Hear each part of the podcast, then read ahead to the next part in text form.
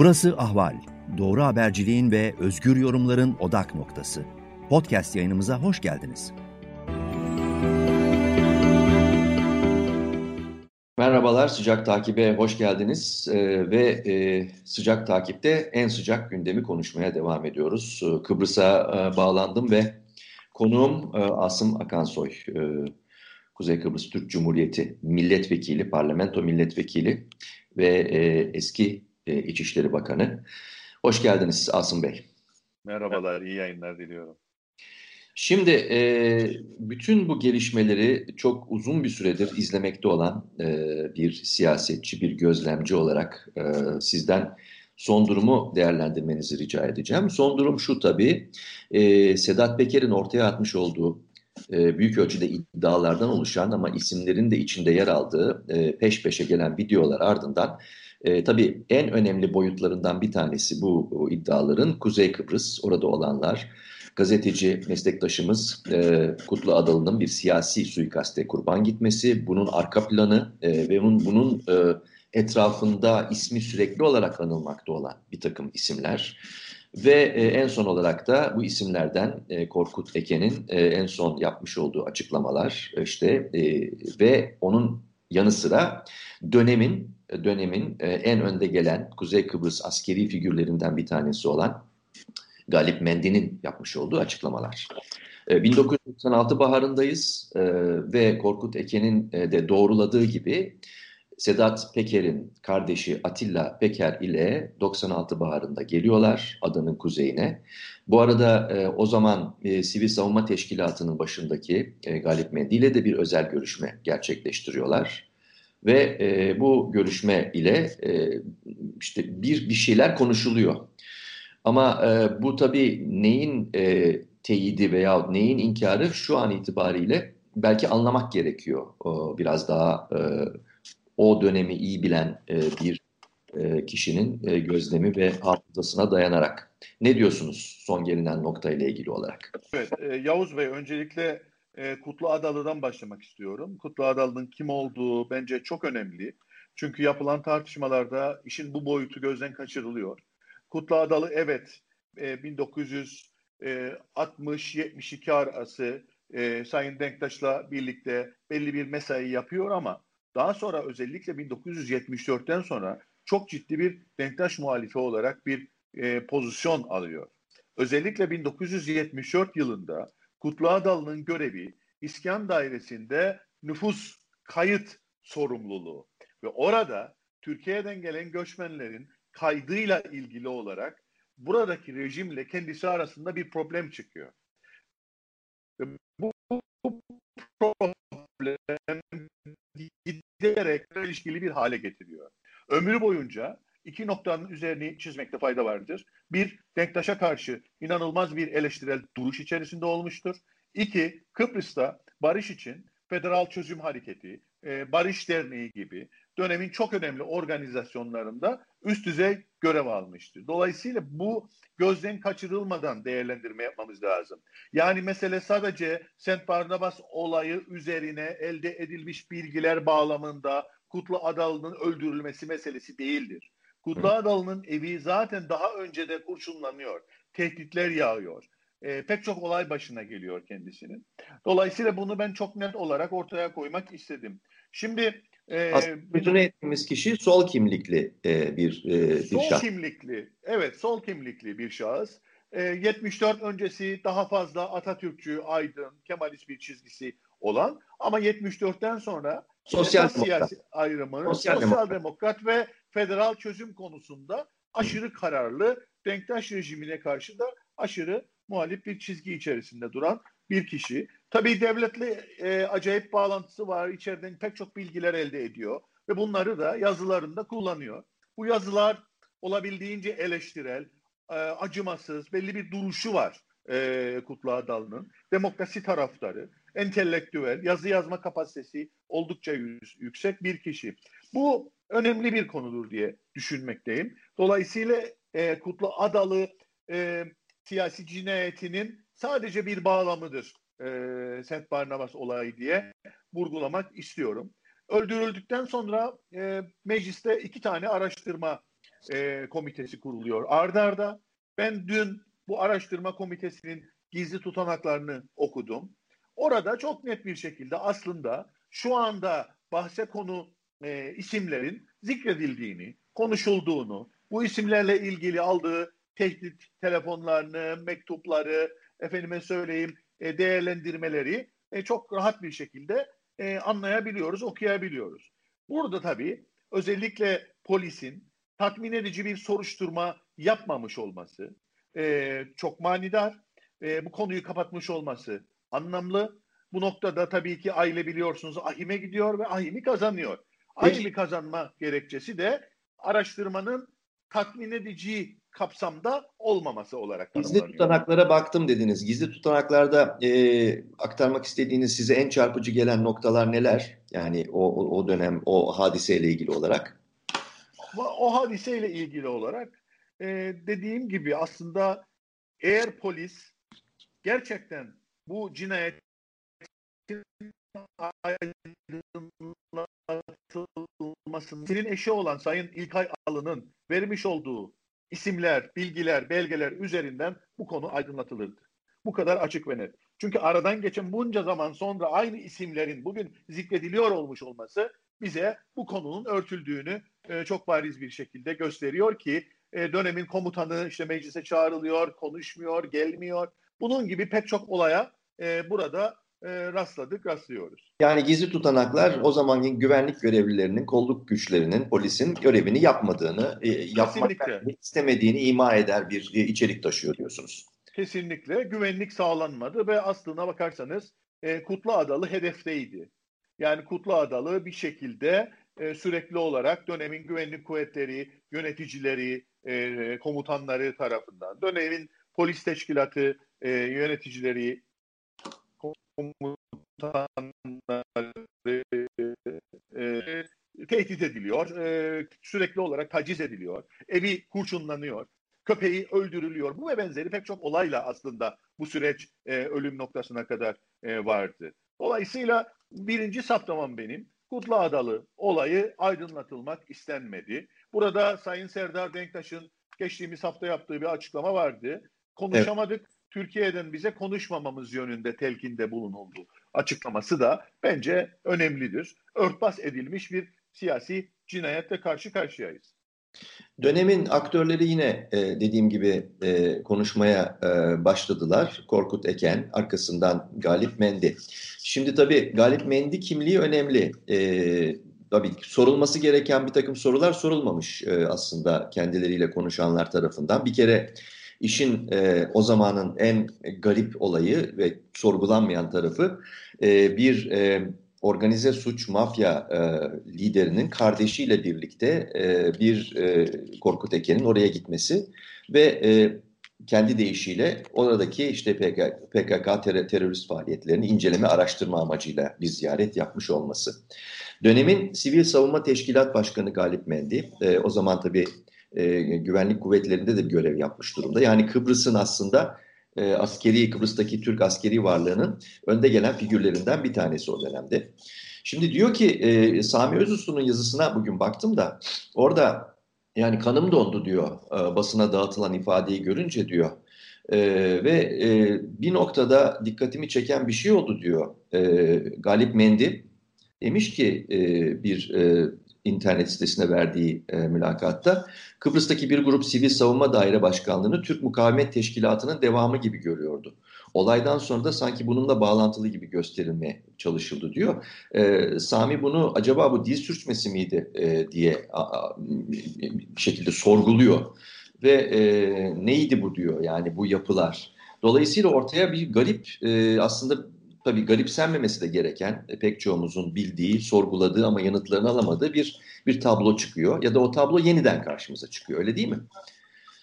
Kesinlikle, kesinlikle e, öyle. Aslında işin en acı tarafı o günden bugüne değişen hiçbir şeyin olmaması, aynı yapıların aynı şekilde şu anda devam etmesi, sivil savunmanın e, şu anda sivil olmamış olması, başındaki kişinin Türkiye'den bir askeri yetkili olarak atanmış olması, tüm bunların buradaki barış kuvvetleri dediğimiz kolordu komutanlığına ve oradan Türkiye Genelkurmayı'na bağlı olmuş olması. Aslında burada bizim sivil otorite olarak, sivil siyasi otorite olarak elimizi bağlayan en önemli etmenlerin başında polisin sivile bağlı olmamış olması. Polis çünkü biliyorsunuz burada anayasanın geçici 10. maddesi çerçevesinde e, iç güvenliğin ve dış güvenliğin e, Türkiye tarafından sağlanacağı vurgusu bağlamında tamamen Türkiye'ye bağlıdır. İdare olarak e, KKTC'ye bağlı gibi görünmekle birlikte aslında emir komuta ilişkisi Türkiye Genel Kurmayına kadar gidiyor. Yani sizin o, burada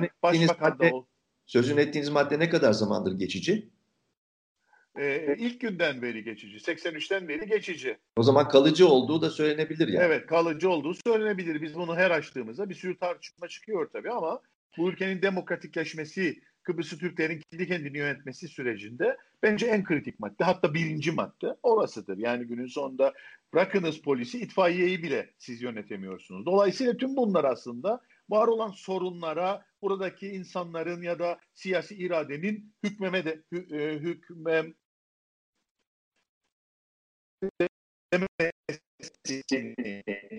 ciddi bir sorun olarak karşımıza çıkıyor. Son e, son cümleyi anlayamadım. Bir, bir daha söyler misiniz hükmetme ile ilgili soruyu? Tam orada bir kesintiye uğradı. Tüm e, tüm bu durum diyorum yani tüm bu yasal mevzuat aslına bakarsanız Kıbrıslı Türklerin var olan sorunlara veyahut siyasi iradenin var olan sorunlara çözüm üretme konusunda yeterli gücü e, olmamasını e, doğuruyor. Sıkıntıları beraberinde getiriyor. Şimdi son sorum şu Asım Bey. E, aslında bu e, Atilla Peker e, kardeşi Sedat Peker'in bir ifade verdi. E, ifade verdi, bir şeyler anlattı. Biraz daha belki e, hafif somutlaştırdı da denebilir bazı şeyleri. E, su yüzüne çıkarttı denebilir. Şimdi böyle bir durumla karşı karşıyayız. Şimdi bir takım aktörler konuşmaya başladılar yeniden. Korkut Eken vesaire. Ama şöyle bir şey de var. E, hukukçu sanıyorum Ersan Şen e, zaman aşımı var kardeşim. Bunun artık şeyi bitti de diyor e, yapmış olduğu açıklamalarda. Bu zaman aşımı olduğu e, algısı veya bilgisi üzerine bir rahat rahatlık da e, olabilir belki. Bu kişiler gayet rahat konuşabilirler nasıl olsa bu dosyalar yeniden açılmayacak diye. Yorumunuz ne? Yani siz umutlu musunuz? Bu gelinen nokta itibariyle e, bir takım şeylerin e, açıklığa, berraklığa kavuşması e, anlamında. Şimdi biz e, Meclis Araştırma Komitesi'nin yeniden açılması önergesi verdik ve bugün mecliste bu önerimiz e, Ulusal Birlik Partisi dahil tüm siyasi partilerin desteğiyle hayata geçecek. Yani mecliste Kutlu Adalı Araştırma Komitesi yeniden hayat bulacak. Dolayısıyla orada konuların güncellenmesi, yeni gelişmelerin eski verilere dahil edilmesi ve yeni bir süreç e, ilerletilmesi konusunda önemli bir hamledir bu. Fakat yeterli mi? Değil. Şimdi polisin yeniden soruşturma açması gerekiyor. Bizim hukuk sistemimizde KKTC'de zaman aşımı mevhumu yok. Dolayısıyla sürecin burada başlatılması gerekiyor. Polisin bu noktada sorumluluk üstlenmesi gerekiyor ve Türkiye ile KKTC arasında yapılmış olan güvenlik işbirliği anlaşmaları çerçevesinde de aslında buradaki bir soruşturmanın ilerletilmesi için Türkiye'deki çeşitli e, kişileri e, ya buraya dahil edile e, ederek e, ileriye adım atılabilir ya da oradan Türkiye polisinin o ilgili kişileri soruşturarak verileri buraya aktarmasıyla e, bir gelişme yaşanabilir. Tabii bunlar sadece prosedüriyel meseleler. Türkiye'deki siyasi sistemin ne durumda olduğunu biliyoruz. Dolayısıyla buraya e, e, buradaki konuya ne Sayın e, Süleyman Soylu ne Polis Genel Müdürü e, karar verecek e, bu sürecin nereye doğru evrileceğine. Burada karar verici olan Sayın Erdoğan'dır. Bu bir realite. Dolayısıyla bizim kendi kapasitemizce bu soruşturmanın ileriye götürülmesi ya da kapatılması e, dava aşamasına sevk edilmesiyle ilgili güçlü bir tavır gösteremeyeceğimiz aşikardır.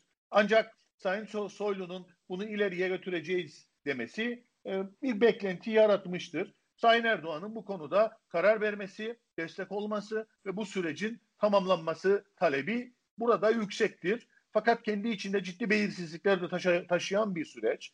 E, o yüzden çok net de konuşamıyoruz doğrusu. Evet, yani sizce e, bir zaman aşımı meselesi ciddi bir sorun oluşturmayabilir, engel oluşturmayabilir. Oluşturmayabilir çerçevesinde yorumlar var, evet. Oluşturmayabilir diyorsunuz. Yani oluşturmayabilir çünkü süreç KKTC'de yürütülecek olan bir süreçtir. Türkiye, Türkiye'de değil. Türkiye'nin inisiyatifi dışında. Evet. O zaman e, bir takım gelişmeler beklenebilir yani. Beklenebilir. Bekle. Evet. Bir, daha, bir daha o cevabı tekrar eder misiniz? Anlayamadım. Evet beklenebilir demiştim. Peki. E, bir de tabii son bir nokta var. Onu da es geçmeyelim. O da şu. E, yine e, Bir Gün Gazetesi'ne bir açıklama yaptı. Eski e, Kuzey Kıbrıs Başbakanı e, ve Cumhuriyetçi Türk Partisi e, sizin e, partinizden Girne Milletvekili Ömer Kalyoncu.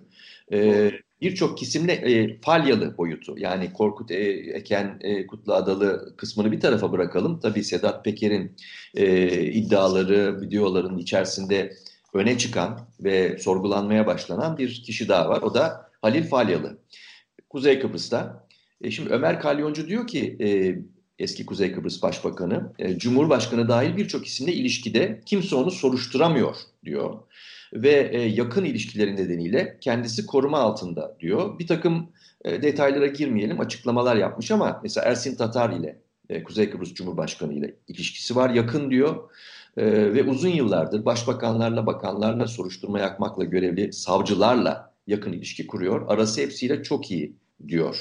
Şimdi bununla ilgili olarak, bu açıklamalarla ilgili olarak ne söylenebilir? Evet, şimdi Sayın Kalyoncu'nun ortaya koyduğu bu değerlendirme doğrudur.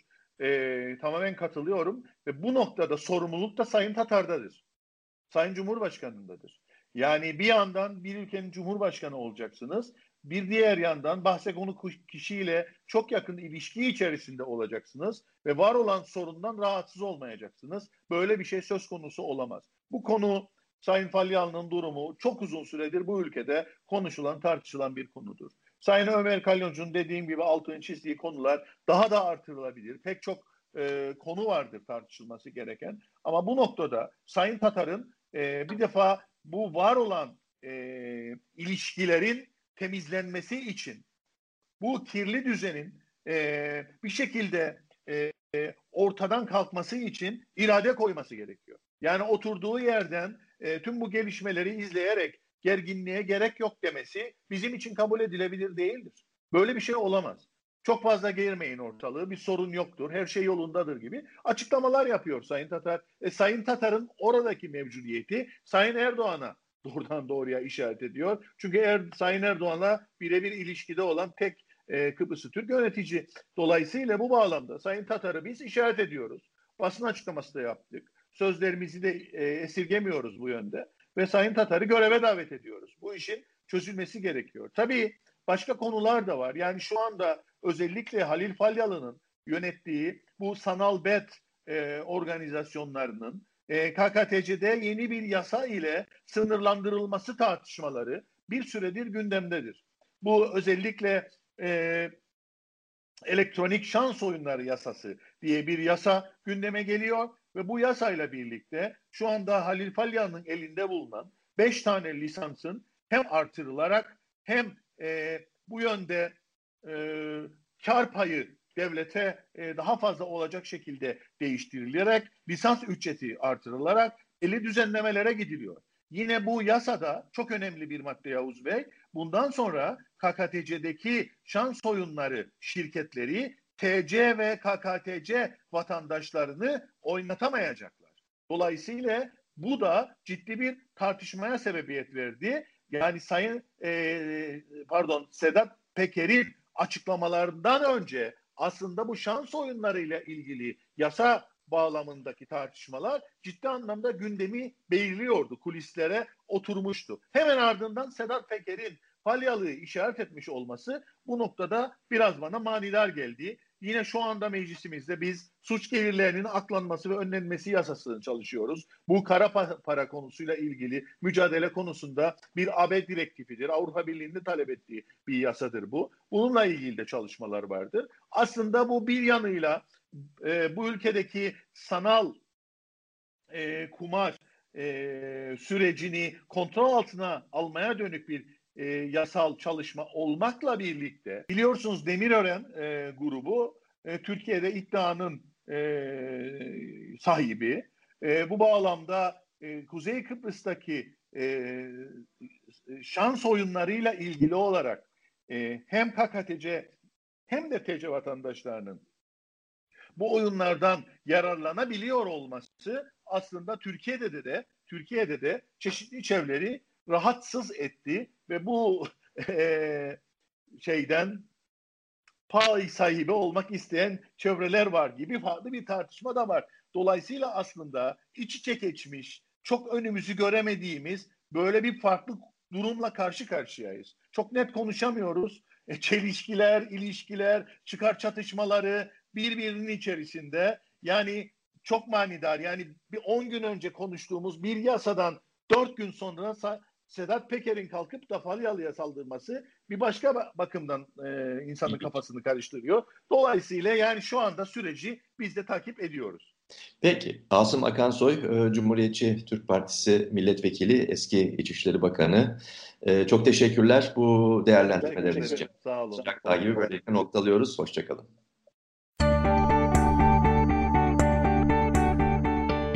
Ahval podcastlerini tüm mobil telefonlarda Spotify, SoundCloud ve Spreaker üzerinden dinleyebilirsiniz. Apple iPhone kullanıcıları bize iTunes üzerinden de ulaşabilir. Türkiye'nin ve hayatın cıvıl cıvıl sesleri Ahval Podcast dizisinde. Kulağınız bizde olsun.